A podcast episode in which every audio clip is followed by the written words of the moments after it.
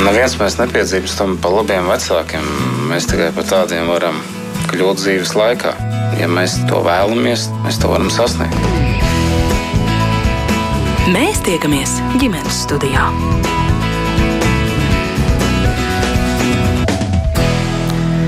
Labdien! Rādījums ģimenes studijā sāk savu skanējumu, un jūs sveicina šie radījuma producenti Ilza Zvaigzne un es Agnes Linka.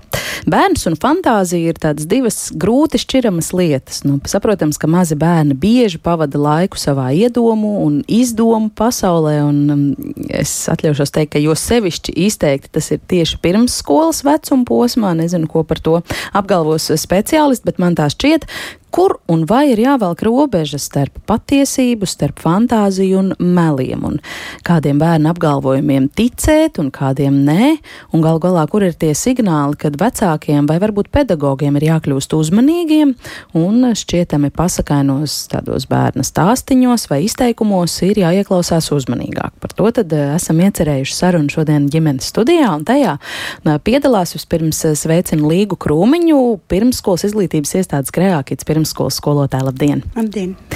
Arī Dace Melngalve, centrs Līna psiholoģija un kognitīva behaviorālā terapeita apmācībā kopā ar mums šodien ģimenes studijā. Labdien! Labdien! Un telefoniski es eh, sveicinu kopā ar mums arī Sofija Semenova, klīniskais psihologs. Labdien, Sofija! Sveiki! Jā. Un kā alaži teikšu un atgādināšu, ka arī jūs, klausītāji, esat laipni aicināti pievienoties šai sarunai. Ja jums rodas kas sakāms, mēs gaidīsim kādus jūsu komentārus, viedokļus, varbūt jautājumus zinātājām gribat uzdot. Arī ar pieredzi varat padalīties, jo sevišķi, ja jums ir bijis tā, ka ir grūti nošķirt bērnu fantāzijas no realitātes, taču tas šķiet svarīgi, atrakstiet ģimenes studijā no Latvijas radio mājas lapas. Es sākšu uh, ar jautājumu jums uh, visām trim, droši vien vienai otru papildinot, vai es uh, kļūdījos, vai jūs piekrītat, ka tas vecumposms, kad bērni fantazē visvairāk pēc teorijas, vai tas ir pirmsskolas bērnu dārza laiks, kā jūs teiktu? Dace, varbūt iesākt. Jā, es piekrītu, pirmsskolas laiks noteikti ir tāds izteiktākais fantazēšanas laiks, jā, un tad um, pilnīgi noteikti tas nebeidzās ar skolas sākšanos, tas tā kā pakāpeniski mazinās noteikti, jā. Mhm. Kāda tur ir tā teorija, kāpēc bērni fantazē šajā vecumā? Kāpēc bērni fantazē? Man šķiet, tā ir tāda dabiska bērnu attīstības lieta, kas uh, man kaut kā ļoti gribas likt to kopā ar spēlēšanos, jo uh, Spēlēšanās bērniem no dabas ir ielikta kā tāda vajadzība, kas īstenībā ļoti palīdz attīstīties. Mēs zinām, ka arī bērnu dārzās bērni spēlēs un mācīšanās noteikti caur spēlēšanos.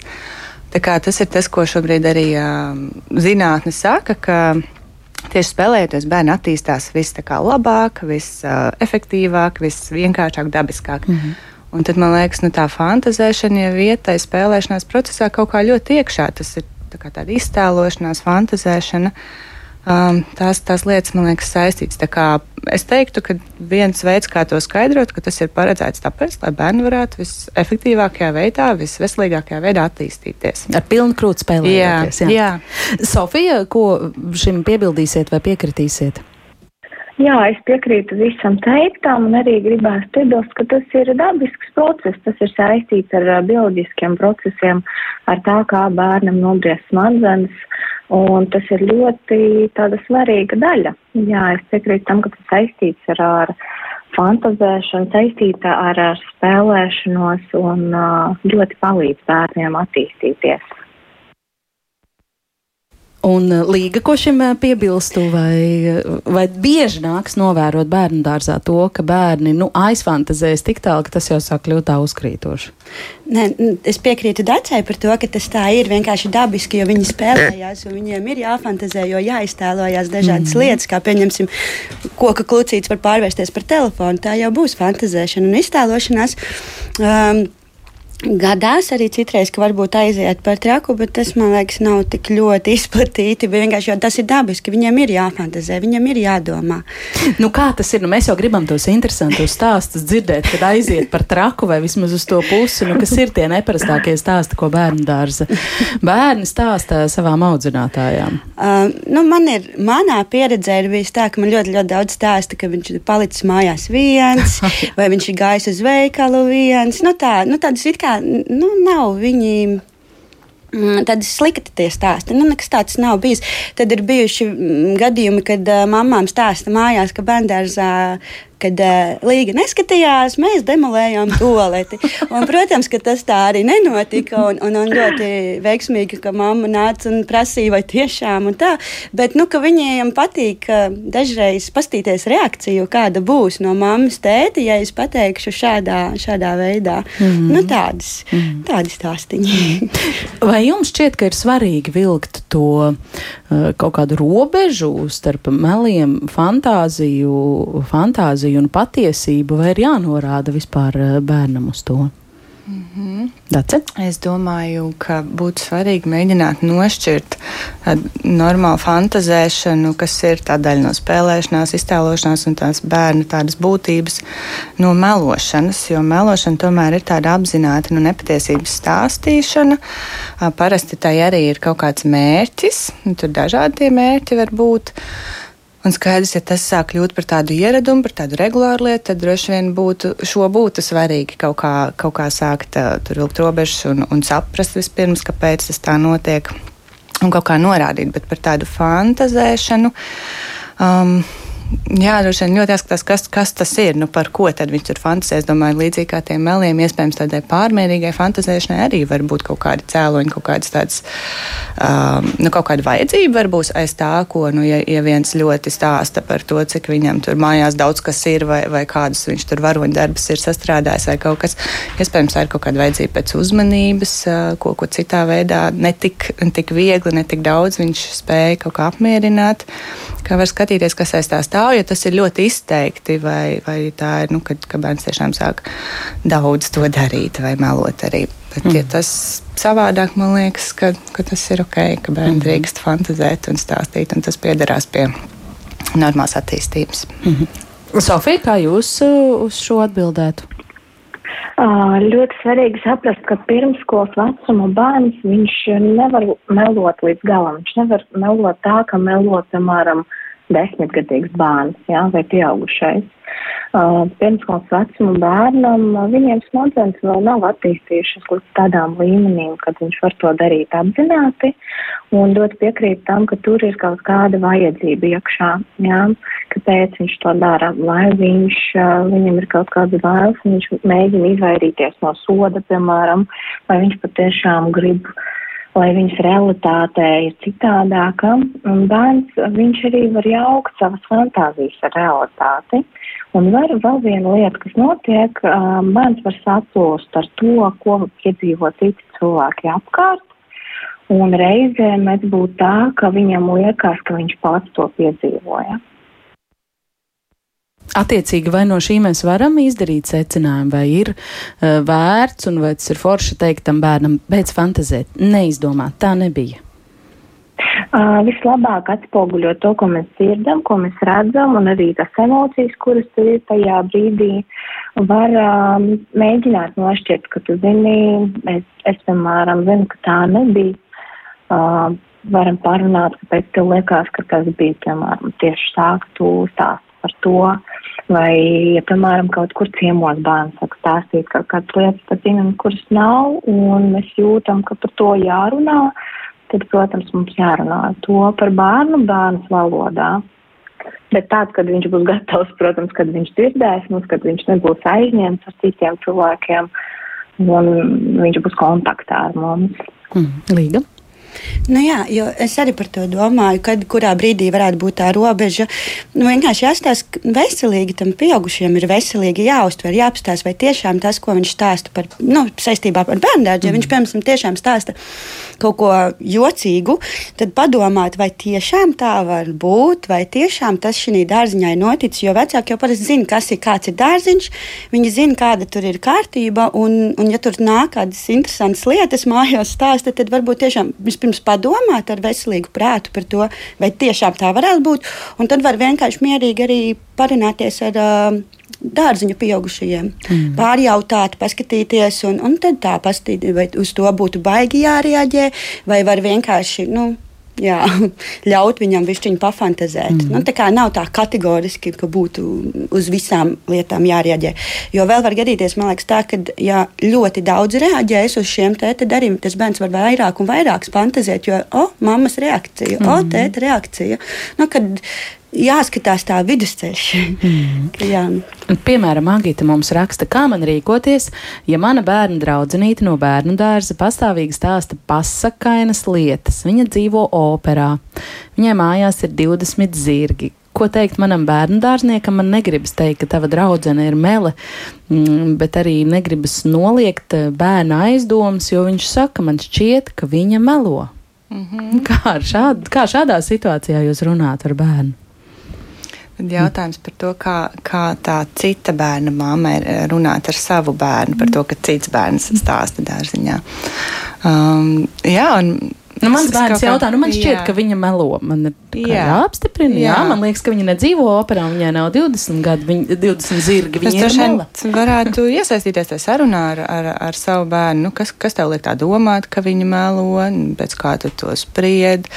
Tā kā, un, un tad atkal at, atkarībā, nu, ko viņš atbild, es, es varētu, jā, es domāju, es varētu piekrist, nu, kad, bet varbūt neuzsverot to vārdu, ka viņa mm. melo, Jā, iespējams, ka dažas lietas, ko viņi stāsta, nav līdz galam patiesas. Jā. Varbūt mēs varam arī ar bērnu apspriest, kā tev liekas, nu, kāpēc viņai tā gribās tik daudz to stāst, stāstīt, ko tas, nezinu, ko tas viņai dod. Nu, tā kā iesaistīties tādā dabiskā sarunā, bet es domāju, nav, nav, nav jāuzsver tik ļoti tā melošana, tik ļoti kaut kā tā, tā sliktā puse tam, bet, bet ja bērns pats ir sajūts, ka jā, varbūt tur īsti taisnība nav, es, es varētu pievienoties un izpētīt kopā mm -hmm. to, to situāciju. Jā, jā, es piekrītu, un tieši par to neuzsver to vārdu melošana, jo man liekas, tas melošiem vārdam melošana ir tas fons, tāds negatīvs. Nepatīkams, jā, jā nu, ka vienkārši runāt ar bērnu, tieši to pašu jautāt, kāpēc tev šķiet, ka tā ir, un, un vai tiešām tā varētu būt. Nu, paspriedelēt ar bērnu par to, kas un kā tur ir. Un, un kad, nu, kad var arī citreiz vienkārši pastāstīt, ka jā, ir cilvēki, kas stāsta to, kas patiesībā nav. Varbūt tiešām tam bērnam pastāstīt, ka varbūt viņš mēģina sevi aizsargāt, vai mēģina kaut ko nu, sadraudzēties, vai nu, tā, tādā veidā. Mm -hmm. Sofija, kā jūs teiktu? Man liekas, ļoti laba ideja parunāt ar bērnu par to, ka tas varētu būt fantazēšana, ka tas ir atbilstoši vecumam, ka varbūt tas ir kaut kāda spēles daļa. Uh, Um, man liekas, tāda saruna var bērnam arī palīdzēt saprast, ja, kas tur notiek. Protams, daudz atkarīgs no vecuma. Ja tas ir, piemēram, seši gadi, tad tas jau ir tāds jau brīdis, kad bērns jau var saprast, ja, ka tas nevar būt tā, un uh, viņam varētu būt dažādas jūtas par to. Bet tas ir mūsu bērns, un mums jārīsina ar viņu to, to situāciju, kā viņš jūtās, kāpēc viņam tas izrāda kaut kādas emocijas. Un tā, man liekas. Nesen, starp citu, arī sociālos tīklos uzvirmoja tāda māmu vecāku diskusija par šo tēmu, par robežu starp bērnu dārznieku fantāzijām, meliem un patiesību. Un, tā, piemēram, kāda māma Liene Twitter diskusijā to aizsākot aprakstīja, ka viņai ir sanākusi skaidrošanās ar bērnu dārza audzinātāju, kur ir nolēmusi, kā Liene saka, izveikt audzinošo darbu attiecībā uz māmiņu. Viņa atklāja, starp citu, arī šī stāsta aizkulisēs ģimenes studijai savas pārdomas par to paklausīsimies. Es jau faktiski reaģēju uz citas mammas izteikumu par to, ka bērns ir fantazējis tādu negaidītu lietu, un arī man ir bijusi situācija, kad es aizēju pakaļ uz bērndārzu, un man audzinātājs stāsta, ka mans dēls piecgadnieks apgalvo, ka mājās viņam neļauj skatīties mūtenes, bet viņam ir jāskatās midsamers slepkavības, lai gan patiesībā ir otrādi, tātad tiešām pārsvarā viņam ir iespēja skatīties mūtenes, bet tās tās midsommers slepkavības ir tāds aizliegtais auglis un iespējams kaut kāds tāds viņa fantāzija par to, ka viņš to skatās un viņam nav bail. Bet, nu jā, tādas varbūt lietas, ko bērndārzā stāsta, no vienas puses audzinātājām noteikti jāņem vērā, un jārēģē, un varbūt jāpārunā ar vecākiem. No otras puses, vienmēr kritiski jāizturās, cik tajā ir patiesības un cik tajā ir tiešām bērni varbūt kaut kādas iedomas. Bet es saprotu, ka šajā reizē bērndārza audzinātāji ar jums pārunāja šo. Jā, jā, viņi man teica, ka viņa ir eh, no rīta jautājusi, kāpēc viņš ir miegainis. Viņš teica, nu es vakar skatījos ļoti vēlu midsamers slepkavības, uh, un tas tiešām bija tā, ka audzinātāji nolēma, ka viņai ar mani par to ir jāparunā. Bet jūs ar dēlu arī pēc tam parunājāt? Nu, es viņam jautāju, ko viņš dārziņā stāsta, bet, uh, godīgi sakot, viņš uh, pat īsti neatcerējās to epizodi, ja tā godīgi jāsaka, jo tajā brīdī varbūt viņam bija tā fantāzija, bet tā, nu, viņam šī problēma tā kā nav. Un eh, te ir varbūt tā liela atšķirība, ka parasti bērni par to, kas tiešām varbūt ir nepatīkams vai mm, ģimenē kaut kādi varbūt uh, bijuši strīdi vai, vai notikumi, kas viņam ir nepatīkami, to viņi bieži vien pat noklusē un var redzēt tikai varbūt kādos zīmējumos vai kaut kādā uzvedībā izmaiņas, bet to, ko viņš tā pārliecinoši stāsta un referē un izdomā, varbūt vēl izkrāšņotajā savā fantāzijā, tas visbiežāk ir saistīts ar to, ka tiešām tiešām bērniem ir ļoti dzīva iztēle, un bieži vien viņi lietas, ko viņi gribētu, lai tās notiek patiesībā, tās tā it kā tās ir notikušas. Bet no šāds gadījums droši vien liek arī aizdomāties jums kā mammai par šo, nu ko tad tur īsti mans bērns, piemēram, stāsta. Uh, jā, bet ir jau tā, ka mums audzinātājas uh, arī sanāksmēs bieži vien saka, ka, nu, lai mēs uh, visi vecāki kopumā sekojam līdzi, kā mājās tiek runāts un kādas tēmas tiek skartas, jo bērni bieži vien atnāk dārziņā un to visu tiešām atstāsta un, un, un, un ar citiem pārunā. Un sevišķi tas skar varbūt arī tādas sarežģītas tematikas, tur varbūt kādus sociālos jautājumus vai kara tēma pašlaik ir. Un, nu, nevienmēr varbūt pieauguši pieaugušie mēs padomājam, ka bērni dzird un, un tas, ko viņi uztver bieži vien, pēc tam viņu domās, viņu fantāzijās ir ieņem pavisam citu jēgu. Bet mājās arī esat pamanījusi, ka puika stāsta, nu, tādas fantāzijas. Nu, jāsaka tā, tad, kad es, piemēram, viņam jautāju, kā gāja dārziņā, viņš saka, ka audzinātājs bija nepaklausīgas. Bet faktiski viņš ar to grib teikt, ka viņam bija kāda problēma laikam ar audzinātājām, un viņš bija nepaklausīgs. Uh, bet jā, protams, ka tādā vecumā ir jāieklausās, ko bērns stāsta, bet ļoti bieži ir jāizdala ar divi. Un, uh, protams, ja kāds tāds uztraucošāks jautājums, tad noteikti ir padziļināti jāparunā tādu konkrētā dziļāk, jo tad var sākt saprast eh, bērnam skaidrojot dziļāk, vai tas ir bijis kaut kāds viņa fantāzijas auglis, vai patiešām tas ir bijis eh, notikums, eh, kas ir bijis reāls. Nu, ja tu vienkārši klausies kā pastaku bērnu, tā ir viena lieta, bet otra noteikti, ka tu uzdod šos papildu jautājumus, esi interesēts, un tad arī var izdarīt secinājumus. Iespējams, ka ir kaut kādā mērā jārēģē un kaut kas jāmaina vai savā, uh, savā dzīvē, savā uzvedībā un komunikācijā bērnu vai arī jā jārēģē uz to, ka viņam varbūt eh, bērndārzā ar kādu draugu kaut kādas problēmas, vai nu arī ar audzinātājām varbūt, protams.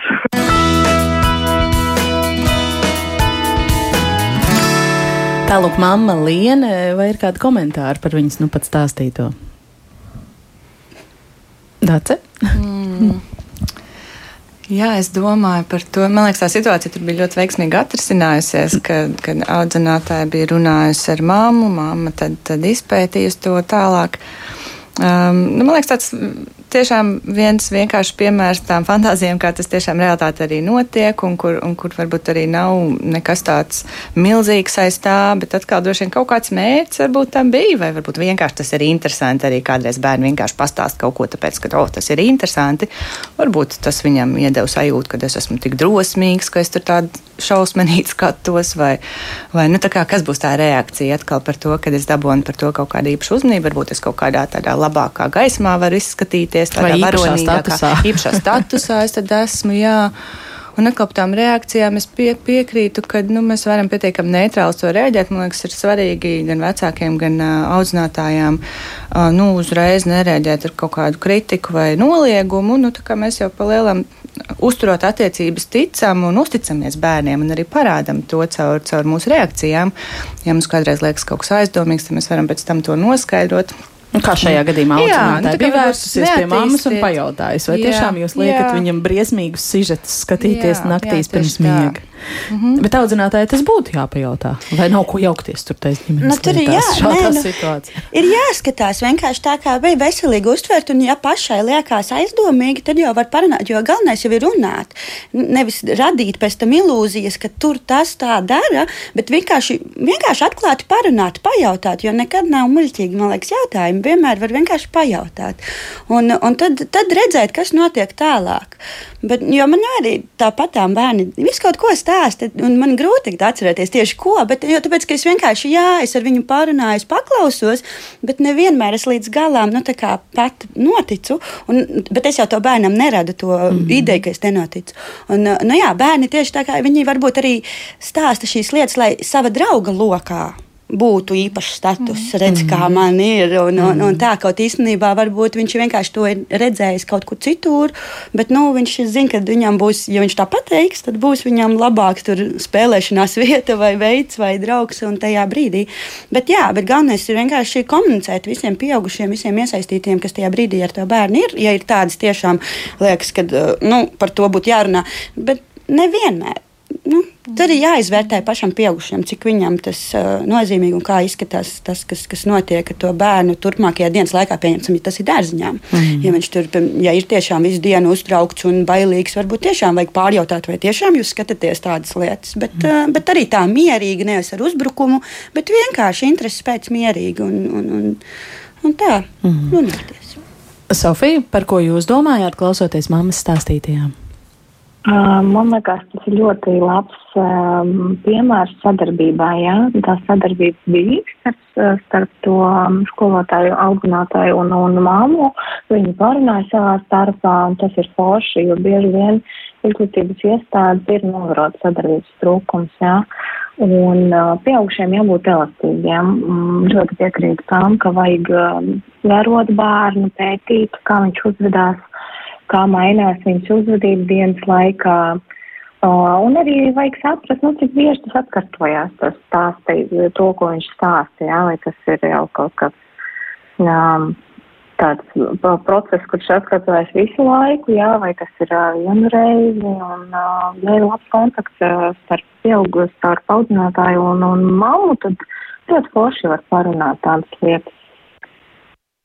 Ja. Interesanti, ka uz Agitas iesākumā rakstīto sāk reaģēt eh, citi redzējumi klausītāji stāsts par dzīvi operā un 20 eh, zirgiem. Eh, Te mūsu komentāros attīstās, tā piemēram, Armāns iesaka dēla draudzenītē jautāt, cik tad 20 zirgiem vajag savākt sieniņu un auzu, un cik grūti vai viegli ir sākt kopt aiz šiem dzīvniekiem. Savukārt Imants raksta sveika visiem. Šodien interesanta sarunas tēma par dzīvošanu operā un 20 zirgiem mani uzrunāja, jo man mājās dēls līdzīgi jautāja. Un es šo situāciju veiksmīgi pārvērtu par joku, proti, ka mana puikas draudzenīte jokojas un ka tā kā jokojoties bez gala mm, un bez apstājas, prot arī viņš pats, tad viņš pats arī var izdomāt, cik daudz it kā ticēt, cik daudz atbildēt ar līdzīgu joku, jeb kādā tēmā pats par sevi un savu mājas dzīvi un skatīties, cik daudz tad draudzenīte noticēs un kurā brīdī teiks, nē, nu tā nu gan nevar būt. Un eh, šī visa finālā rakstīmans mums bija aizraujoša rotaļa ar bērniem uz mm, daudziem mēnešiem, nu līdz beidzot kaut kad vēlāk tai eh, meitenītei šī fantazēšana pārgāja pati no sevis. Mm, jā, labs piemērs, kā, kā īstenībā tā fantāzija noder mums tieši šajā rotaļāšanās procesā, nu, ka mēs to varam arī pārvērst. Un, um, un, un iespējams, ja tur nav kaut kāda cita cēloņa, varbūt arī tai meitenei tā ir vienkārši tāda. Nu, Tā ir interesantāka, tā ir priecīgāka, fantāzējot, spēlējoties. Mēs varam daudz, ļoti daudz prieka gūt. Un, uh, un skaidrs, mums visiem tas vajadzīgs. Un, tā kā, jā, tā, tā, tas man liekas bija forši šajā piemērā, ka mēs varam arī tur nepētīt un nerakt zemūdens akmeņus, ja tas nav vajadzīgs. Bet, uh, pamanīt arī to, to citu mērķi, ka tas var būt priekam. Mm. Jā, un, un es domāju, arī tam bērnam tiešām arī viņš var, var, var iesaistīties tajā rotaļā vai tajā sižetā. Un, un, un dažreiz bērni arī to dara. Mēs ļoti labi redzam bērnu dārzā. Man mājās ir tas, un, man, man, man ir tas, un manam tētim ir tas. Un tā kā, nu, kur, kur pārspējas tagad, un viņi tur ir uz viena viļņa. Tā kā tas ir ok, kamēr mm. visiem iesaistītajiem rotaļā tas patīk, tikmēr tas nevienam neko sliktu nenodara. Mm. Jā. Arī Kristīna raksta, citreiz mēs kā vecāki vēl papildinam bērnu fantāzijas un tajā piedalāmies forši kopīgi ģimenes momenti, sanāk lidojot ar raķeti, braucot ar tanku vai mūkot no kāda monstriņa. Mm. Līga. Jā, tieši tā, tā kā nu, viss par rotaļām. Kamēr tas tiešām nevienam neko nenodara skādi un, un emocionāli un fiziski, tad tikmēr jau ir, man liekas, forši šādi rotaļāties un jauki ir, kad pieauguši arī iesaistās, ka viņi arī turpina šo rotaļu. Un, un, un, un stāsta kā joku, un tiešām parāda, ka var reaģēt uz šādām lietām citādi. Jo dzīvē tomēr arī pieaugušie citreiz fantazē, un kad, eh, kad varbūt šādā veidā bērns iemācīsies arī savā dzīvē. Ka viņš var eh, uz tādiem tiešām interesantām lietām arī turpināt, interesanti reaģēt, un tad redzēs, kā beigās tas viss izvērtīsies. Un vai tiešām tam pretējam cilvēkam ir tā taisnība vai nav. Un, mm -hmm. nu tā, ka tā ir kā rotaļu. Jā, mēs varam Sofija, bērnam, jā, mēs varam bērnam parādīt ar savu reakciju, ka var elastīgi rēģēt. Man tiešām var arī izstrādāt dažādas stratēģijas, nu, tālākajā savā dzīvē, jā, perspektīvā. Tāpēc forši, jā, tie vecāki atrada, jā, tādas iespējas, kā rotaļāties un kā runāt par to. Jā. Kārlis mums raksta, esmu 18, 15 un 10 gadus vecu bērnu tētis. Ja vien bērni nedara nedarbus un neslēpj kādu zādzību, tad bērni sapņo un fantazē, tāpēc, ka viņiem ir smadzenes, bet vēl nav iespēju rīkoties. Kad paaugsies, viņu sapņi tiks īstenoti, būs gan dzīve operā, gan 20 uh, zirgi, raksta Kārlis un novēl mums uh, jauku uh, sarunu. Un uh, par šo arī Inga saka, ka viņas dēls, kuram tagad jau ir 31, visu bērnību stāstīja gan mums, gan saviem draugiem draugiem, ka viņam ir sarkans žigulītis un labākie draugi pīks un piķa. Tagad viņš ir piepildījis savu bērnības fantāziju, tiešām nopirka sev šo sarkano žiguli, skaisti piepildīts bērnības sapnis. Par meliem nekad to neesmu uzskatījusi, un šīs fantāzijas nekāda netraucēja ne mums, ne bērnu draugiem. Katram taču var būt savs eh, Karlsons, tā raksta Inga. Tas ir arī drusku stāsts par Karlsonu. jā, noteikti, noteikti. Jā. Tur gan tas skumjais motīvs. Iedomu draugiem parasti mēs uzreiz piešķiram to mm, nozīmi, nu, ka tas ir bērns, kurš jūtas vientuļš. Tad, ja viņam ir nu, viens ļoti konkrēts, mm. izdomāts draugs, tā ir. Var būt un var nebūt. Nevienmēr. Arī bērniem, kas nejūtas vientuļi, var būt, var būt iedomu draugi, jo, jo viņi pildā ne tikai to funkciju, ka, ka nu, man ir attiecības ar kādu, ja man to pietrūks dzīvē, bet tur atkal vēl citas lietas es varu piedzīvot, kuras varbūt man kaut kā īpaši gribās, un nesanāk tajā reālajā dzīvē tik daudz. Un, piemēram, es to iedomu draugu, es ar viņu varu darīt, ko es gribu. Es viņu varu pamācīt, līdz ar to es varu būt tāds skolotājs un tāds kaut kā tādu līderu pozīciju piedzīvot. Es varu arī um, nu, tāds varošāks izskatīties, kaut kādu kompetenci sav, savējo vairāk piedzīvot, sajust, iemācot viņam, norādot viņam, kā panākot, ka viņš dara tās lietas ar mani kopā, kas man patīk. Varbūt, ka dažreiz tas ir par, par to, ka nu, tā reālajā dzīvē neizdodas uh, vai šo, šīs vajadzības apmierināt tik daudz, bet es domāju, tas var būt arī mm, tā netik nozīmīgi un netik problemātiski. Tas mm. varbūt arī normāli. Jā. Mm. Jāskatās pēc, pēc tā gadījuma, pēc tā fona, droši vien, kas, kas tad tajā bērnu dzīvē notiek. Mm -hmm. Skolotāji piekritīs? Jā, jo nu, man pieredze ar iedomu draugiem nav bijusi mm. savā visā nu, darba pieredzē un arī savā dzīvē. Kā, bet es domāju, ka jā, jo nevienmēr tiešām tas kaut ko nozīmē, ka viņš ir vientuļš. Varbūt vienkārši bērns mm. vēlās tiešām kādu pamācīt, un tāpēc viņš rada sev šādu. Mm -hmm. Es vēl gribēju piebilst, arī, arī pat ja tas tā ir, ka viņš šādā veidā apmierina to, to savu vientulību vai to vajadzību pēc attiecībām, tas droši vien arī var būt ok, nu, labāk, lai viņš šādā veidā to realizē, nekā viņš, piemēram, agresīvi sāk izturēties, uzdības problēmas parādās. Viņš atrod veidu, kā viņš var piepildīt. Protams, mums svarīgi skatīties, kā mēs tad arī dzīvē viņam, viņam varam palīdzēt ar tām attiecībām, ja tas tiešām tā ir, bet domāju, tas nav sliktākais veids, kā kompensēt kaut ko. Mm -hmm. Sofija par šo ir kas sakāms? Ļoti bieži īstenībā vecāki uztraucās par to, ka bērnam ir kaut kāds iedomu draugs vai arī iedomu personāža. Un, nu, tas ir pilnīgi normāli tādām vecumām, un tas ir raksturīgi. Uh, tur ir jautājums par to, mm, kāpēc mēs kā pieaugušie rēģējam uz to. Tādā veidā, kā mēs uztraucamies par to, kas tur iekšā, un arī par bērna vajadzībām. Jā, ja, ja tas ir ļoti ilgi un tas jau ir um, kaut kā, nu tā, ka mēs domājam par to, ka tas nav normāli, jā, tad uh, mēs varam runāt ar kādu speciālistu, varam domāt par bērnu vajadzībām, kādas vajadzības nav apmierinātas, kāpēc, jā, tas tā ir. Bet vēlreiz pateikšu, ka nu, tādām vecumām tas ir pilnīgi atbilstoši. Mm -hmm, tāpat kā Dācis apgalvoja.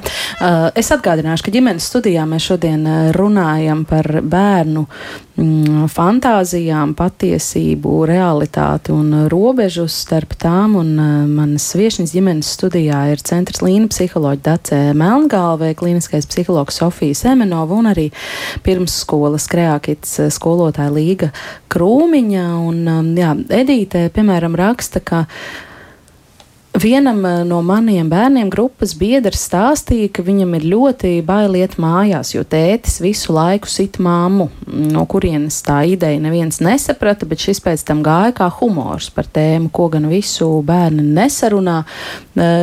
Kur ir eh, te tās eh, sarkanās līnijas vai sarkanie karogi, kad mums pieaugušajiem uzklausot kaut ko tādu ir eh, jāizdomājās? Vai um, bērns ir labos apstākļos un vai ģimenē viss ir kārtībā? Mm -hmm.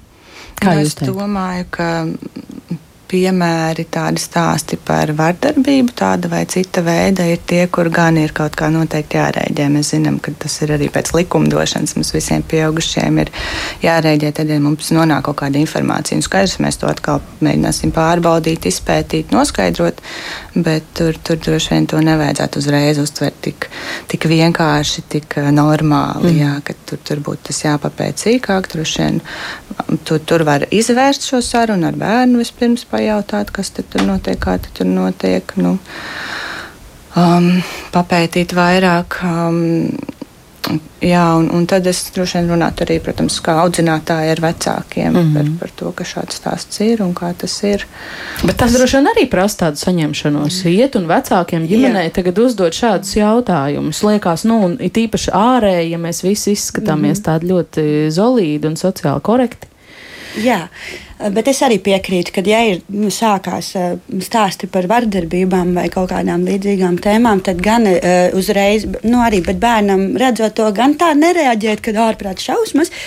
Bet, eh, bet um, uzreiz um, sarunāt to runāšanu ar vecāku, vai pazvanīt, vai, vai vienkārši sagaidīt vakarā un pajautāt, un nu, tādu pārliecināties, kā, kā, ko, par, ko, nu, par to, ko saka vecāks par to, vai, vai uz to reaģēt. Un pēc tam, protams, vienkārši dienas laikā var ar bērnu runāties mm. un saprast, cik daudz. Un tad, kad zina, ka tiešām tas tā nenotiek, tad jau var nu, minēt, klaudā izklausās tā kā ne īsti kaut kas kārtībā, vai nu, tiešām varētu tā. Nu, Bet arī neuzsverot, ka ir mēli vai vēl kaut kas, bet mēģināt tā maigi un jauki ar bērnu parunāt un saprast, no kurienes viņam šī, šis nāk. Ja, ja, protams, vecāks ap, nu, apstiprina, ka tā nav un ka tā ne, nenotiek un ka tas tiešām nav. Mm -hmm. Bet, nu jā, ir jāsāk, nu, pēc tam vienkārši sekot līdzi un vērot, kam, ja tas notiek, turpinās vēl un vēl tādi stāsti. Nu, bet tie paši sākumā pieminētie piemēri, ka bērns saka, es paliku viens mājās. Nu, tā var būt un tā var nebūt. Nu, jā, bet es, es tur jau tā lietu, tad, tad, kad man to, nu, es arī pa, es pajautāju, jā, es ar, to, ar tiem vecākiem vienkārši tā arī kā humoriņā mēs pārunājam, un tad es jau saprotu, tagad jau es zinu, ko, ka tas bērns man tādas lietas stāst, es jau zinu, ka tā nevarētu būt. Protams, es sākumā pajautāju, tad, kad es tiešām, nu, man ir arī saka, ka es iešu citu dārziņu. Mm -hmm. Nu, labi, vienreiz, otrreiz, trešo reizi, un tad tā aizdoms, nu, nu var gadīties, tā var gadīties, kad pāriet, un tas uzjautāju vecākam. Vecāks saka, nē, nu, ka tā nebūs, un ka tā tā nav. Un tas tā, ah, nu labi. un tad ar to bērnu turpina vienkārši rotaļāties ar šo. Jā, nu, kā, nu, mm -hmm. Es vienmēr pajautāju, pāri, pārliecinos, bet nu, arī bērnam neizrādot to, ka tas ir kaut kas man. Tāds mm. oh, sašucēja ārprāts, kā tā var. Sofija, kā jūs teikt, kur ir tie signāli, kad vecākiem vai skolotājiem ir uzmanīgāk jāieklausās bērnu teiktajā un kā jārīkojās? Uh -huh. uh, es domāju, ja bērns dalās ar kādu piedzīvojumu, vai mēs dzirdam kādu frāzi, kura var liecināt par vārdarbību, pieaugušiem jārēģē saudzīgi, jā, jāierakstu ticību, jā, un jāspēj, jāturās neitrāli. Mm, es domāju, ka nevajag mēģināt uzreiz visu noskaidrot. Uh, jāmēģina atspoguļot atkal tās emocijas, atkārtot bērna teikto, pārjautāt, vai pareizi pareizi saprotat to visu. Un es domāju, ka nekādā gadījumā nedrīkst biedēt to bērnu ar savu reakciju. Tas ļoti svarīgi. Tā arī kā mēs reaģējām uz to visu. Un es piekrītu tam, ka mēs nevaram to atstāt vienkārši. Jā, kā atstāt kā ir. Mm. Jāparunā, jāmēģina sadarboties ar citiem pieaugušajiem, ja tas ir dārziņš skola, tad ar, varbūt ar citu, citiem pedagogiem vai speciālistiem, ja ir psihologs, tad parunāt arī ar psihologu vai piesaistīt viņu, varbūt viņš var arī pavarot to bērniņu vai pavadīt ar viņu kādu laiku, lai saprastu, kas notiek, vai mainās bērnu uzvedība ikdienas dzīvē. Mm, jā, jo kāda klausītāja vai klausītājs, eh, eh, nezinu, kurš, kur, kurš dzimums, bet raksta interesanti, nu kura tad māma atklāti teiks bērnu dārza audzinātājai, jā, mani mājās sit. Nu, Ziniet, es strādāju. Jā, Sofija. Jā, man bija pieredze strādāt dārziņā, un reizēm ir tā, ka pēc sarunas var saprast apmēram, kas tur mājās notiek. Vai, piemēram, tā situācija, kad bērns stāsta, es paliku viens mājās, jā, bet mēs nezinām, kur tas bērns dzīvo. Varbūt viņš dzīvo privāta māja, un tā mamma izgāja ārā, un viņš patiešām palicis mājās, un viss ir kārtībā, bet tā mamma ir blakus viņam, jā. Vai, nu, mēs nezinām to kontekstu, vai varbūt bērns kaut ko stāsta tādu, bet tas nav par viņu, bet ir par kaimiņiem, piemēram, vai to, ko viņš dzirdēja no mammas. Un ja mēs pārunam ar to mammu, tad mēs sapratam, kas tur notiek apmēram, ja? vai ir kaut kāds paskaidrojums bērnam teiktām. Vai ir gadījumi, kad mēs redzam pēc sarunas, ka tā, nu, tur patiešām kaut kas notiek, mēs nevaram to noskaidrot, un mums ir vajadzīga, vajadzīgi citi speciālisti vai citas iestādes. Vai jūs varat eh, piekrist tēzē, ka par tām eh, lietām, kas ir patiesi nepatīkamas, eh, kā māma Liena iepriekš ierakstā teica, viņas prāt bērni to nelabprāt apspriež un nemaz nevēlas īstenībā tik atklāti atstāstīt? Un, kad jau tāda ļoti, ļoti kaut kāda traka stāsta nāk, tad tās visdrīzāk ir fantāzijas, jo par patiesi nepatīkamo bērns tiecas noklusēt. Kā ir? Nu, atkal man liekas, tā var būt un tā var nebūt. Lielākoties droši vien, ja tas pašam bērnam, un mēs šo pašu vardarbības piemēru ņemam, ja tas ir pašam bērnam nepatīkams, skaidrs, ka tas parasti izraisa ļoti daudz spēcīgu emociju. Jā, tas tā var būt, ka viņš mēģinās. Um, varbūt izvairīties, bet tikpat labi viņš var arī meklēt palīdzību un, un, un meklēt kādu, kam uh, izstāstīt un kam uzticēties. Kā es nepaļautos uz to kā tādu um, nu, kritēriju, ka tad, ja, ja viņš stāsta kaut ko ļoti nepatī, ne, nepatīkamu, ka tā tad visdrīzāk nav patiesības. Es domāju, ir, ir svarīgi rēģēt, ir svarīgi rīkoties pēc. Es ticu, ka dārzņos arī ir izglītības iestādēs kaut kāda sava sistēma izveidot visbiežāk, kā tādos gadījumos rēģēt, kad mums nonāk kaut kāds um, signāli par to, par iespējamu vardarbību, un tad tādā veidā arī rīkoties. Jā, tur dažreiz ir speciālisti jāpiesaista vai vēl kaut kas, bet katrā ziņā reaģēt uz to, varbūt sākumā tas nozīmēs pievērst, pastiprināt uzmanību, neatstāt to bez tādas, nu, neignorēt tādu veidu signālus. Mm -hmm. Bērni Līga stāsta par nepatīkamo. Nu tā, kā kurš bērns, kāds viņš pats no iekšienes, ja viņš ir um, pārliecināts par sevi, viņš var pastāstīt, bet ja viņš vienkārši ir bailīgs pats no sevis, viņš var tiešām noklusēt un nestāstīt līdz galam. Un tas viss var parādīties citādākos veidos, un tad ir tas, tā māksla atrast to patieso, kāpēc tam bērnam ir tāda uzvedība vai reakcija uz dažādām lietām. Tāpēc, jā, kad, ar, atšķirībā kāds ir bērns, kāda ir viņa būtība un viņa esība, un tāpēc mm. tur dažādi, jā. Sofija par šo ir viedoklis. Nu, viss ir ļoti individuāli. Jā, es piekrītu, ka ir bērni, kuri, kuriem vispār tā uh, verbalizācija ir labi attīstīta un viņi spēj runāt, jā, un spēj stāstīt, bet ir bērni, kuri nevar to, viņiem nav tādas spējas. Un mēs varam izmantot, nu, speciālisti var izmantot dažādus veidus, kā palīdzēt bērnam vai kā saprast, kas ar viņu notiek. Bet es, es domāju, ka pirmkārt jāzina bērnu un bērnu temperamentu un uh, viņam ierasto uzvedību. Jā. Eh, starp citu, kādas eh, mammas rakstītais manam dēlam šajā vecumā arī sākās eh, fantāzijas, melošana un mānīšanās. Beigās izrādījās uzmanības deficīta un hiperaktivitātes sindroma diagnoze bija tā, kāpēc viņš izdomāja stāstus un ticēja pat šiem meliem, un citi sāka ticēt. Tāpēc ir jāmēģina saprast, ehm, vai tā ir tāda mānīšanās, vai tomēr viņš mēģina dabūt uzmanību, vai pat nesaprot savas rīcības sekas eh, saviem meliem. Eh, ko psihologi par šo saka? Tur var būt eh, kaut kāda korelācija, kāda saistība arī Sofija? Nu, es, es neteikšu, ka tur ir kaut kāda tāda korelācija, ka ja bērns fantazē pa daudz, tad viņam noteikti ir kaut kāda diagnoze. Tā nebūs. Jā, varētu būt, ka nu, viņš tā, viņš vienkārši tā, viņam ir grūtāk nošķirt to realitāti no savām fantāzijām, bet tas nav tāda pazīme, jā, simptoms kaut kāds, uz kur mums jābalstās. Data? Mm. Jā, es arī domāju, ka tāda tieša saistība tur nav, un arī uzmanības deficīta hiperaktivitātes sindroms noteikti nebūtu nenozīmē uzmanības trūkumu, tas ir kaut kas pavisam cits. Un, uh, man viena hipotēze, tur droši vien vēl citi varētu būt, ka, nu, ka tā diagnoze pats par sevi rada daudz grūtību bērnam. Viena no tipiskākajām, kas ir zināma, ka bērniem bieži ir pazemināts pašvērtējums, jo viņš netiek ar ikdienas lietām galā tik labi kā citi bērni, viņš daudz saņem kritiku. Pamazām izveidojās tā sajūta, nu, ka es jau, es jau nevaru, man, man nesnāk, es jā. neesmu labs. Jā, un līdz ar to, kas ir tās fantāzijas, mēs nezinām, tai piemērā. Es domāju, tās ir kaut kas no, no šīs sērijas, ka es darīju kaut ko, man izdevās kaut kas labāk nekā parasti. Iespējams, tas ir nu, pastarpināti ar to diagnozi saistīts, ka es piedzīvoju daudz grūtības, kā rezultātā man neizdodas uh, justies tik veiksmīgam, tik, uh, tik labus sasniegumus uh, piedzīvot, un tad es izfantazēju kaut ko, lai šo vajadzību apmierināta, bet tāda tieša saistība noteikti tur nav. Jā. Mm -hmm.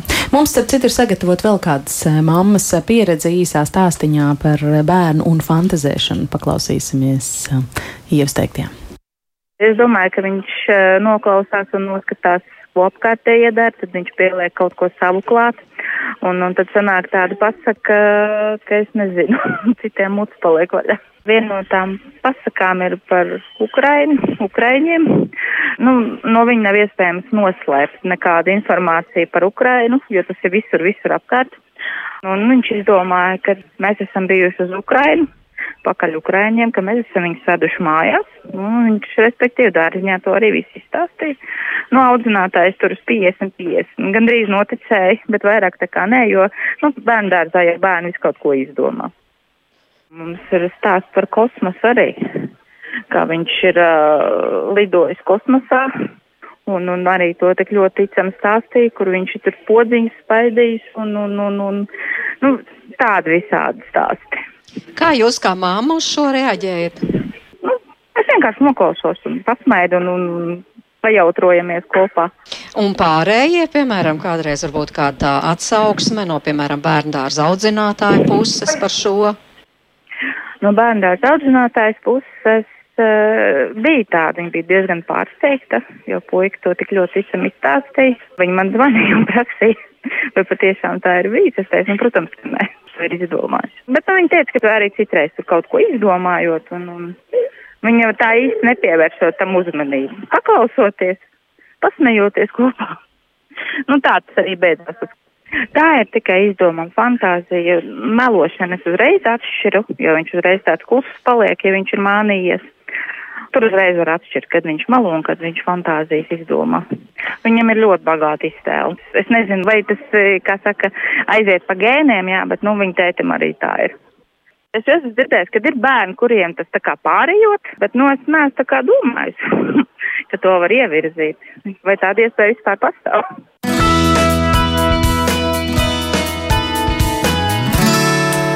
Kādu komentāru par māmas teikto? Nē, nu tā arī ir. Nu, ir jau labi, ka viņi fantazē, ir labi, ka viņi spēlējās. Un ļoti jauki, ka, jā, tādiem, tādiem audzinātājiem ir pajautājas vecākam, vai tā ir, noskaidroja un saprata. Nu, mm. Kad turpina pasmēties. Mm. Par to vecumu, kad tas sāk pāriet. -hmm. vai pie tiem vai, vai nosacījumiem, kuros tas sāk eh, pāriet šī fantazēšana. Piemēram, manā ģimenē ļoti izteikti vecākais bērns, kas ir jau pusaudzis, diezgan aktīvi cīnās pret to, lai tie jaunākie nestāsta muļķības. Viņi visu laiku cenšas apkarot, piemēram, sešgadnieku, kurš kaut kādas uh, fantāzijas mm. pauž. Un tad es redzu, tur ir tā atšķirība. Vienā brīdī ir tas vecums, kad ir lūzuma punkts uh, šajā, nezinu, maģiskajā domāšanā. Mm -hmm. Jā, nu, lielākoties, kā jau mēs sākumā runājām, tas pirmskolas vecums ir tāds aktīvākais, tāds iztēlošanās, fantazēšanas laiks. Mm. Tad kaut kur tie skolas sākuma gadi, septiņi gadi, astoņi gadi, tipiski ir tas, kad tas sāk izteikti samazināties un kad viņi vairāk sāk koncentrēties uz tādu realitāti un uz, uz realistiskiem faktiem. Jā. Nu tā, bet, protams, tas var būt individuāli. Arī, arī tas nav uzreiz obligāti kaut kas nepareizs un nenormāls. Jā, ja kādam patīk fantazēt arī vēl tālāk, atkal mēs skatīsimies, cik daudz par kādām tēmām, ko iespējams viņ, viņš ar to sasniedz, panāk. Bet tipiski jā, tas skolas vecums ir tomēr tāds lūzuma punkts. Jā, mhm. tā Bet mēs teiktu. nesagaidām gluži, ka pirmajā klasē tikko 1. septembrī, iet, jā. 1. septembrī jā. tā beidz, beidz protams, fantazēt. Protams, Sofija? Sofija par šo? Jā, es domāju, man liekas, ka arī ap septiņiem gadiem ļoti daudzi pētījumi apstiprina to vecumu, ka tas ir septiņi, astoņi gadi, bet ja bērnam, piemēram, bija kaut kāda traumatiska pieredze vai ir kaut kādas um, attīstības īpatnības, tad tas varētu būt vēlāk, jā, ap desmit gadiem, ap deviņiem gadiem. Bet kad mēs redzam, ka tās bērns jau spēj uh, melot pa īsto, jā, tā, ka mēs uh, vairs nevaram atšķirt, tas nozīmē, ka tas posms, kad viņš fantazē, viņš beidzās. Jā, tas nozīmē, ka tas um, prā, prāta attīstība, viņa iet tālāk uz priekšu, un tad uh, bērnam ir jaunas iespējas atcerēt. Jā. Jā. Tā, piemēram, mamma Tātjana raksta, ka viņai ir eh, septiņi gadi puisim topošais skolnieks, ļoti daudz fantazē un visu, ko piedomā klāt.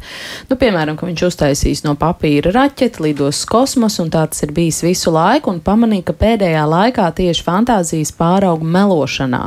Ehm, vai tikai man tā liekas? Nu, piemēram, man sāp kāja es tur iešu pasēdēt, bet man tajā brīdī arī vajag skriet, un es varu tāpat laikā muļķoties. Nu, tā kā ka, eh, māma redz, ka, ka, tā, ka fantāzijas pārvēršas tādā apzinātā melošanā, tas arī pieder šim septiņgadnieku vecumam. Sofija. Jā, bet es neteikšu, ka tas ir tiešām tie meli, par kuriem es runāju. Jā, tas ir vairāk kaut kāda vajadzība bērnam ir, jā, nu, ko viņš mēģina apmierināt. Man tā liekas, um, ko es tikko dzirdēju. Uh, tur arī var runāt par to, ka es saprotu, ka tu, tev ir nogurums kaut kāds, ja, ka tu to negribi darīt, bet tev nav obligāti teikt, ka tev kaut kas sāp. Tur vajag būt elastīgiem. -hmm. Tieši par šo gribu jautāt arī skolotājai, jo Ieva raksta, manam puikam ir pieci gadi, un viņam sāp galva tad, kad jāraksta burti vai cipari. Sākumā es divreiz tam noticēju, bet tad pavēroju, ka viņš turpina ļoti aktīvi spēlēties, un šķiet, ka tā ir melošana. Nu jā, viņi vienkārši varbūt ne tieši melošana, bet izmanto situāciju, ka ir redzējis, ka ja viņš pasaka šādi, tad ir reakcija šāda. Un tad viņš vienkārši vēlās izvairīties no kaut kāda darba, ko viņš negrib, tad viņš, ah, man ir jāpasaka šis, mm. lai tā būtu. Un, ja tas tiek ievērots, tad var vienkārši arī elastīgi runāt par to, ka, nu jā, es saprotu, nu jā, mums ir lietas, ko mums ir jādara un mums ir jātrenējās. Piemēram, ja tā ir tā burtnīca rakstīšana vai treniņš, ka tas ir jādara un, un ka tas, tas tev ir vajadzīgs. Un vienkārši runāt, skaidrot to un padarīt vai nu ko es arī tagad eh, skatījos, var iedot termiņus viņam, uzlikt timerīti. Lieku 5 minūtes izdara to, un tad varēs atpūsties. 5 minūtes izdara to, un tad varēs atpūsties. Un tad tas arī drusku palīdz, kad iedod, un tad tam bērnam neliekas, ka tā rakstīšana būs mūžīga. mūžīga jā. jā, ka viņam ir vienkārši termiņš, un, un, un viņš izdara. Un tad tas arī, kad, eh, jā, kad reaģēja adekvāti, tad arī viss tas mm. ānām pāriet un tad iemācās saprast. Jo visticamākais, viņš vienkārši ir nu, redzējis, ka ah, es varu šādi pateikt, vai dzirdējis, ka kāds cits tā ir izmantojis un arī pamēģinājis, kas tā var pateikt, un tā es varu tikt vaļā no kaut kāda uzdevuma, ko vienkārši negribās. Mm. Nu, iespējams, ka šis strādā labāk mājās ar vecākiem, jo skolu skolotājām tomēr ir citas attiecības. Sofija, jūs vēl kaut ko gribējāt piebilst? Šeit, šeit arī ir, ir jautājums par to, vai piecgadīgs bērns ir gatavs uh, tādai pieejai. Vispār, jā, jo ja viņam nav motivācijas rakstīt, jā, un viņš nesaprot tieši, kam tas ir vajadzīgs, varbūt tā pieeja viņam nedara, jā. Mums ļoti jādomā par to, kā mēs uh, motivējam, kā mēs palīdzam bērnam iesaistīties tajā mācīšanas procesā, jo no tā ir atkarīgs, kā viņš tālāk, kā, kāda tālāk būs, būs attieksme pret, pret mācīšanos kopumā. Nu jā, tas jau ir tas, ko Līga saka, jārunā un jāstāsta, kāpēc, kāpēc mēs to darām. Jā, protams. varbūt citu veidu jāmeklē vienkārši jā, kā. Jā. Visbeidzot, mums vēl pāris minūtītes ir atlikušas. Es gribu pavaicāt, vai jūsuprāt ir lietas, kas vecākiem ar saviem bērniem mājās ir jāpārunā un jāskaidro, ka šo mēs ārpus mājas nevienam nestāstam. Un vai tāda veida vienošanos vispār var arī slēgt ar bērnu par kaut kādiem jautājumiem, tad, kad tas vēl ir bērnu dārznieks? Mm -hmm. Vai tas ir bezjēdzīgi? Mm -hmm vilkt kaut kādas, nu, te ir mūsu privātā dzīve, tās ir mūsu dzīves mājas, mājasēmniecības robežas. Mm. Es mēģinu, mēģinu iedomāties piemērus tādām situācijām, un man uzreiz nenāk prātā, kas, kas tas varētu būt, kas būtu tik liels noslēpums, nu, ko es tiešām nedrīkstētu padalīties ar draugiem, ar, ar um, audzinātāju. Iespējams, ka tas ir, un iespējams, ka ir tādas specifiskas situācijas, man kaut kādas fantāzijas nāk par, par kaut kādām ļoti konfidenciālām profesijām, kur ir kaut kādas lietas, kuras nedrīkst, bet, um, bet mums arī jāsaprot, ir, ka varbūt būs tādas specifiskas situācijas, kur, kur tas ir jāmēģina, bet ka pirmskolnieks. Um, nu, viņš nav tā, tā uzbūvēts, tā attīstība vēl neparedz, nu, ka viņš spēj tā kontrolēt, ko es izstāstīšu, ko es neizstāstīšu, kas tagad ir privātā lieta, kas ir dārziņa lieta. Nu, tas, uh, jā, tā intelektuāla attīstība un emocionāla attīstība vēl nav tādā līmenī, mm. lai viņš šo spētu, un īstenībā nu, tas neatbilst arī tai tādām viņa vajadzībām, mm. jo viņš pēc dabas ir uzbūvēts, ka tas, kas viņam interesanti, viņš dalās, viņš stāsta. Kā, jā, par šiem konkrētiem piemēriem jāskatās, bet vairāk gribētos teikt, ka nav, nav vajadzības mm. jā, tādas. Sofija? Bērns nespēja integrēt kaut kādus divus trīs stimulus vienlaicīgi. Jā, viņš, ja, ja viņam ir kaut kas prātā, kaut kāda doma, tad viņš rēģē uzreiz, viņš rīkojās uzreiz. Jā, tas ir pirms skolas vecumam raksturīgi. Un es domāju, ka mēs vienkārši savā ikdienas dzīvē parādām ar piemēru, ar vārdiem, ar, ar sarunām, ka tu zini, um, piemēram, tā mēs nerunājām ar citiem cilvēkiem, vai tas ir kaut kas, kas paliek mūsu ģimenē. Un tas ir dabiski. Tas vienkārši notiek. Un man arī nu, tiek dzirdēta dažādi stāsti no vecākiem, ka tur bērns, piemēram, stāsta kaut kādas lietas, kur tētis bija pie ārsta, un tur ārsts viņam kaut ko pateica vai izrakstīja, vai kaut kāda bija analīzes. Nu, par ko droši vien vecāki negrib runāt ar citiem cilvēkiem, bet bērns par to runā, piemēram. Tādā gadījumā mēs skaidrojam, ka, zini, parunāsim mājās par to, piemēram, vai tagad šeit mēs par to nerunāsim. Un tā, nu, dabas. Bet mums jāsaprot, ka tiešām bērns pirmskolas vecumā viņš nespēja uh, to paturēt ilglaicīgi. Ja kaut kas būs liels un svarīgs, kaut arī ļoti privāts, viņš tāpat izstāstīs tai skolotājai. Līga droši vien to zina. Nu, es par to, ko, ko mācīt, nestāstīt. Nu, es vienmēr esmu aizdomājies par to tēmu par naudu, kad eh, cik man ir. Mm. Nu, jo bērniem arī citreiz tur dāvina un ir, un tad es viņiem arī skaidroju. Viņi stāst, viņi grib palielīties, un es viņiem vienmēr arī skaidroju, ka uh, nevajag visiem vienmēr stāstīt par to, kas man ir mājās naudiņas maciņā, mm. vai nu, tā, kad es vienkārši ar domu domu. Jā, viņi, protams, neatcerēsies nākamreiz atkal būs epizode, bet nu, vismaz stāstīt, ka nevienmēr visas lietas ir jāstāsta. Mm -hmm. Un ka tā, tā naudas tēma tā vieglāk to nu, parādīt, ka nu, par to var, nu, labāk nē. Un tad es viņam arī skaidroju, ka nevienmēr mēs zinām, vai tas pretējais cilvēks ar mums. Uh, ir labās domās, un mm. tāpēc labāk nevajag dalīties ar šādu informāciju. Protams, viņi to neatcerās pēc vienas manas reizes, bet jā, tas varētu būt viens. Un varbūt, jā, tā kā mhm. minēja par to veselības stāvokli vai nu, kaut kādām tādām tiešām sensitīvām lietām, kas tiešām ir jāpaliek ģimenē. Mm. Un tad to vienkārši vajag visu laiku paskaidrot, ka par to mēs runājam mājās, mēs nerunājam ārpus mājas mm. robežām. Nu, nu, tā vienkārši atkārtot katru reizi atgādināt. Paldies eh, par šo sarunu ģimenes eh, studijā. Man tiešām bija ļoti interesanti. Ceru, ka jums arī šodien pie mums eh, viesos bija pirmskolas skolotāja Līga Krūmiņa un psiholoģis Dace Melngalve un Sofija Semenova. Un radījumu šodien veidoja producenta Ilza Zvaigzne, pieskaņa pults Katrīna Bramberga un pie mikrofona es Agnese Linka. Rīt ģimenes studijā mēs interesēsimies par valsts kontrolas revīzijas ziņojumu problēmu bērni, kas kā pieaugušo neizdarības pogulis analizē palīdzību bērniem ar uzvedības traucējumiem jautājumiem, un pētījuma rezultāti, diemžēl, atspoguļo sistemātisku agrīnās palīdzības un atbalsta trūkumu ģimenēm ar eh, bērniem. Pārsteidzoši tas nav, bet kas šai pētījumā to detalizētāk analizēsim ģimenes studijā rīt, kā vienmēr, no pulksten diviem līdz trījiem arī jūs esat aicināti iesaistīties šai sarunā, un, protams, kā lažu varu atgādināt, klausieties mūs arī podkāstos Latvijas radio mobilajā lietotnē un sekojiet redzījumam ģimenes studiju sociālos tīklos uz sadzirdēšanos.